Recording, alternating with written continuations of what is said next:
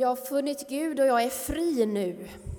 Jag har funnit Gud och jag är fri. Det var i ungdomskören hemma i Missionskyrkan i Värnamo.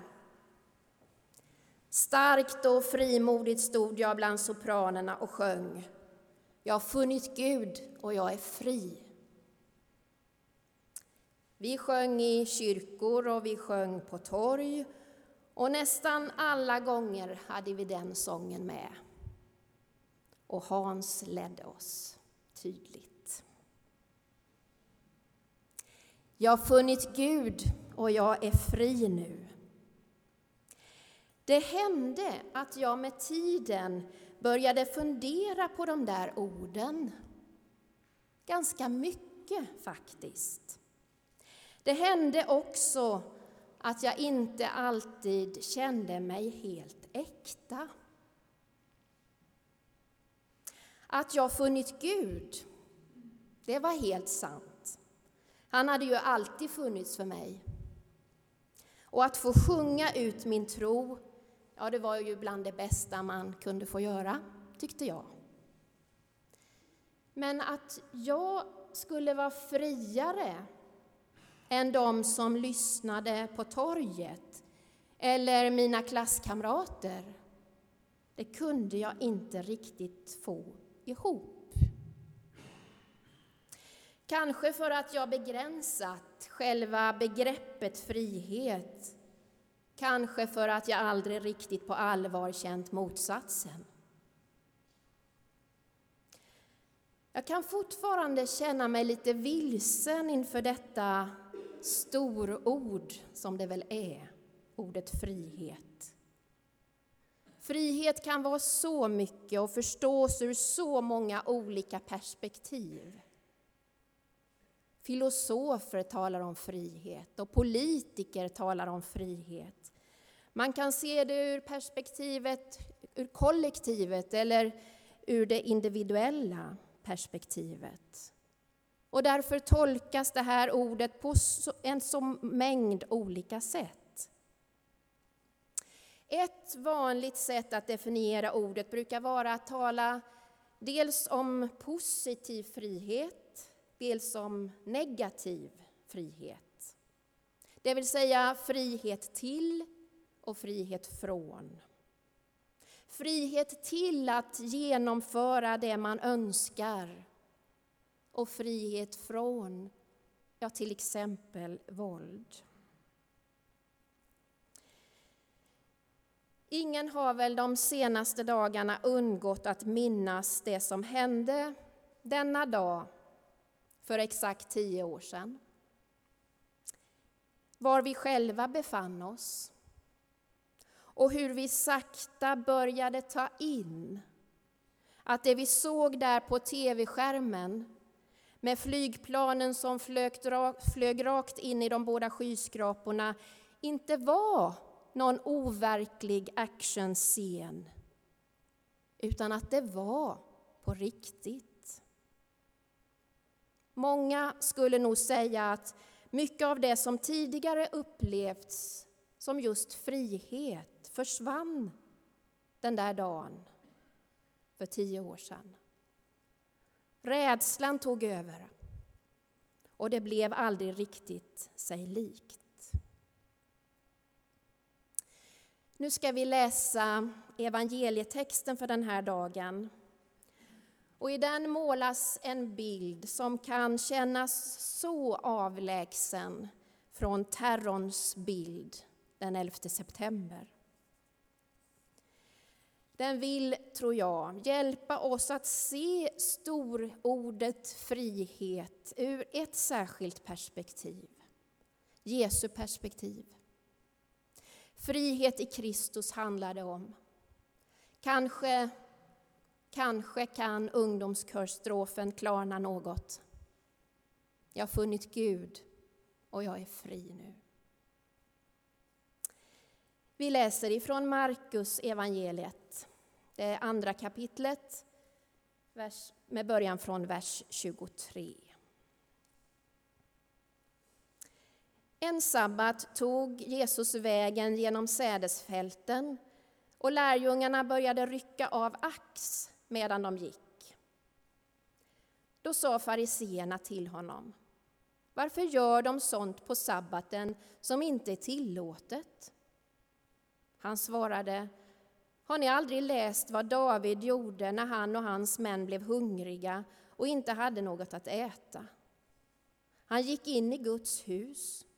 Det var när Evjatar var överstepräst och åt upp skådebröden som inga andra än prästerna får äta och gav också dem som var med honom. Och Jesus sa till dem, sabbaten blev till för människan och inte människan för sabbaten. Alltså är Människosonen Herre också över sabbaten. Amen. Ja, här går alltså Jesus tillsammans med sina lärjungar. Och den här dagen så tar de vägen genom ett sädesfält. Jag tänker att det är gult, nästan gyllene, för säden är mogen. Det är som om solens gula ljus kommit in i varje strå. Och vinden drar sakta genom säden. Och hela situationen vittnar om liv, om mognandet och växandets kraft. En bild så långt från tillvarons alla mörka och kyliga dagar. Kanske är de hungriga, lärjungarna, Kanske vill de bara röra vid och smaka på solen och livet. Så de tar några ax, rullar dem i handen så att kornet blir naket och för kornen till munnen och tuggar. Då hörs rösterna. Det är inte tillåtet det är som ett mörkt moln plötsligt drar över det där fältet och allt känns plötsligt väldigt kyligt. Varför gör de sånt som inte är tillåtet på sabbaten? Det är Jesus som får frågan och ska svara för lärjungarnas handlingar. Men vad är nu detta? Vad är det att hänga upp sig på, tänker ju vi. Några ynka ax. Vad var det som var så fel? Vi tar det från början.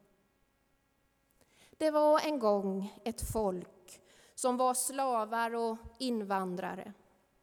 Ett plågat folk, ett prövat folk. Men de hade en inre kraft, en identitet. Och de vägrade tappa bort sitt hopp, sin tro på att det skulle bli bättre. De ville inte bara vara slavar, de ville vara Guds folk. De ville vara Guds barn. Och de bestämde sig för att hålla något heligt och att avsätta tid för relationen med Gud. Ja, den judiska sabbatstanken verkar ha handlat om att vårda drömmen om det goda. Drömmen om frihet och ett liv tätt, tätt intill Gud. Även naturen skulle få vila från träldom och arbete. Och Gud var förebilden, såklart. Efter utfört arbete så vilade ju Gud på den sjunde dagen, ansikte mot ansikte med sin skapelse. Så klart att man ville skydda detta goda. Denna dröm om ett liv i fred och frid, i glädje och harmoni. Så klart att fariseerna ville skydda sin sabbat, eller hur? För vad har vi kvar av drömmen? Inte så mycket. När vardag och helg har flutit in i varandra Och marknaden pågår likadant alla dagar. Mm. Men man ville skydda drömmen. Men så mycket att drömmen för många blev en börda. Reglerna blev fler och fler och det var som om runt drömmen byggdes ett stängsel. Och bara de som hade kunskap och tid kunde förverkliga drömmen så som man skulle. För andra kunde det kännas mycket tungt. Den blev inte allas dröm, utan deras. Och vad händer då? När något inte är möjligt för alla, utan bara för vissa? Det är inte svårt att se hur mönstret har fortsatt. Då vi vill skydda sånt som är heligt och dyrbart för oss, då kan det ju bli så att för andra så känns det inlåst och omgivet av krav. Eller när vi håller så hårt om våra principer att glädjen till slut försvinner. Jesus ville på alla sätt göra människor fria från bördor och krav, det vet vi. Därför tillåter han lärjungarna att plocka sina ax. Och det var ju inget arbete de utförde. De bara smakade lite på livet. Så han säger, sabbaten blev till för människan och inte människan för sabbaten. Och här blir liksom en vändpunkt av allt sammans, tror jag. Här ute på det solgula fältet. Här händer det något som kommer att förändra allt. För i de orden så börjar en glädje för alla folk. Och samtidigt börjar korset resas för Jesus. Hans svar är inte bara en intern uppgörelse med fariseerna den där gången. Han säger det till alla tider. Religion, tro, kyrkor, trosbekännelser är till för människans skull och inte för sin egen skull. Ingen får lägga beslag på tron för sin egen skull för att använda den mot andra människor. Det är många brott som har gjorts i trons namn, det vet vi. Och människor har fått känna sig mer usla än glada, mer otillräckliga än upprättade, mer hopplösa än hoppfulla. Och sen är inte steget långt till att tro att man inte duger. Inte ens i Guds ögon. Det är när Jesus ser hur några lägger beslag på det goda liv som Gud har skapat åt oss som han godkänner lärjungarnas lagbrott. Sabbaten är till för människan och inte människan för sabbaten. I grunden handlar det om Gud som allas Gud och att Gud ser med kärlek på alla. Det handlar om att regler och bud aldrig får stå i vägen för att denna kärlek ska bli synlig. Om det är något som går som en röd tråd genom Nya testamentet så är det budskapet om denna kärlek som upprättar och befriar. Evangeliet, det glada budskapet, är frihetens budskap. Frihet från tvång, frihet från låsningar till ett liv av kärlek och mening. Frihetsbegreppet kan som sagt ses ur alla möjliga perspektiv. Och många skulle kanske säga att fri är man när man vågar bryta med konventioner och traditioner, trotsa auktoriteter, klippa banden, när man vågar bryta upp och gå sin egen väg. Men när Jesus talar och visar frihetens budskap så handlar det om något helt annat. Det handlar om tillhörighet. Tillhörighet. Han vill visa att vi tillhör. Vi tillhör någon som har gett oss livet. Den kristna tron säger i djupet av människan, i varje människa, är Guds avbild. Vi bär Guds bild i vårt innersta. En påminnelse om vilka vi är, Guds skapelser. Det är någon som har räckt oss livet. När Jesus vandrade på denna jord så inbjöd ju han människor att följa honom. Han inbjöd till en vandring mot frihet. En frihet vars hemlighet är tillhörighet.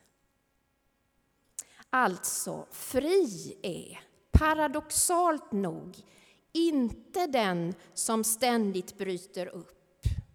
Inte den som klipper banden och drar vidare. Fri är den vars rötter är så djupt förankrade i Gud att hon inte längre kan ryckas upp och slungas omkring av allt som lockar och lovar. Fri är att tillhöra. Jag är fri som en fågel och dock fången och träl. Jag äger ej något, men någon har min själ.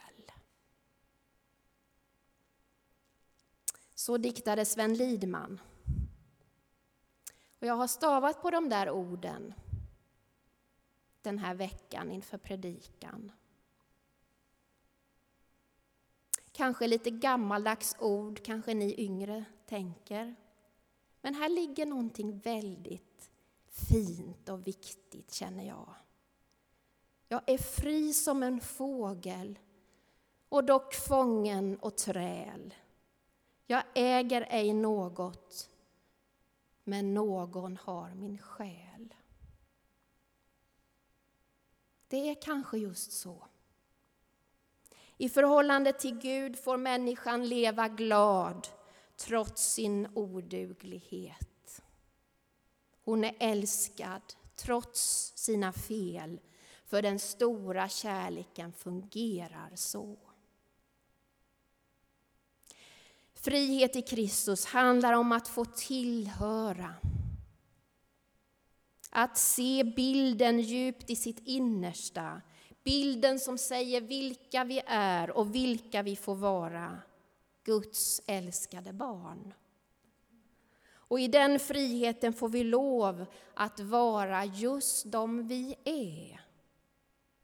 En frihet från tvång och sånt som vill binda en frihet till ett liv av kärlek och mening.